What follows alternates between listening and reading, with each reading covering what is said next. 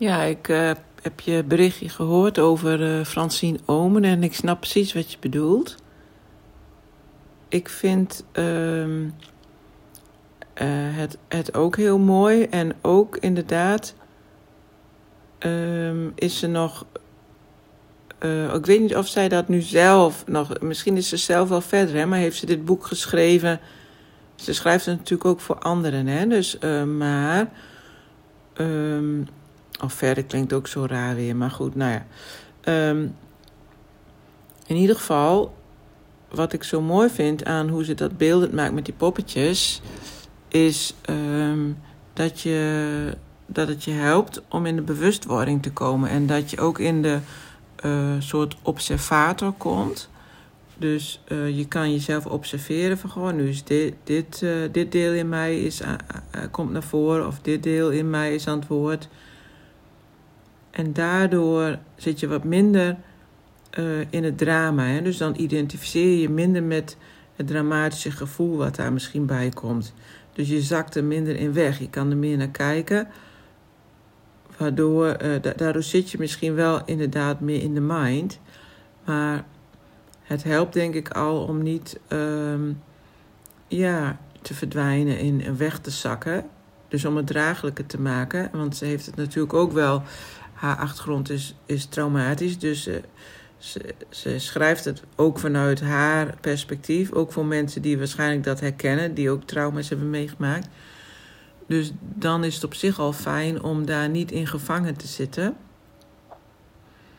En uh, ze zegt ook bij dat, uh, bij dat kwetsbare kind, wat ze dan uh, ook heeft gemaakt als poppetje, van ja, die kan ik niet zien als uh, lief en schattig.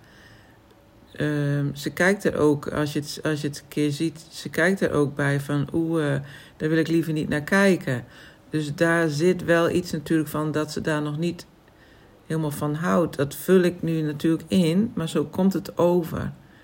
Het komt over alsof ze dat nog niet, uh, dat deel, dat echt het meest gekwetste deel waarschijnlijk, nog niet helemaal kan omarmen. Maar nogmaals, ik weet het niet zeker, zo komt het op mij over. Maar daar zou, als het zo is, dan zou dat natuurlijk wel de clue kunnen zijn. Als ze dat wel kan, dat dan uh, die liefde voor haarzelf uh, ja, groter wordt. En dan dat je dan inderdaad ook minder aan jezelf hoeft te werken. Dit is natuurlijk waar heel therapieland op draait. Hè? De mensen die ergens aan willen werken. Die, en die willen zichzelf snappen en verbeteren en zich beter voelen. En ja, dit is de motor van heel therapieland. En dat is ergens ook mooi natuurlijk. Maar ja, de, als je er uiteindelijk echt doorheen gaat, en dat is wat heel veel mensen willen, een soort oplossing. Maar ik heb zelf gemerkt afgelopen jaar, als ik echt door dingen heen ga, uh, dat dat een transformatie teweeg brengt. Maar daar is wel heel veel moed voor nodig. En er is ook eigenlijk tijd voor nodig.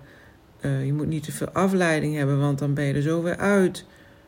Ja, er is, er is uh, eigenlijk gewoon iets heel natuurlijks voor nodig. Namelijk gewoon aandacht, tijd en, en uh, bij jezelf zijn.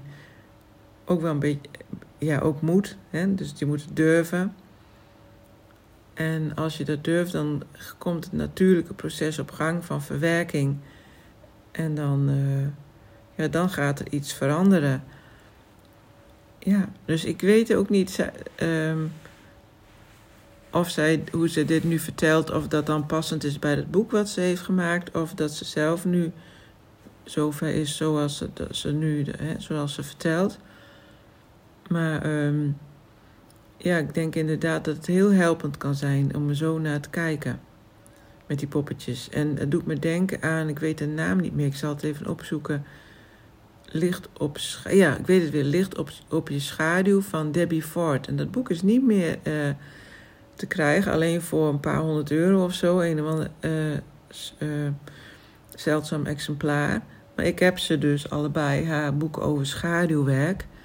En die gaan ook over het tekenen van al die personen in jezelf. Al die delen. Heel leuk boek ook. Ja, Dus uh, dat is niet meer te krijgen. Dat en, en er is toch wel uh, belangstelling voor. En mensen kunnen daar dus enorm... Als ik het nu te koop zet, dan kan ik er heel veel geld voor vragen. maar dat ga ik niet doen, want ik vind het veel te leuk. Dus um, ja, en dat is... Die Debbie Ford is ook iemand met uh, een geschiedenis met verslaving en trauma. En, dus die heeft ook...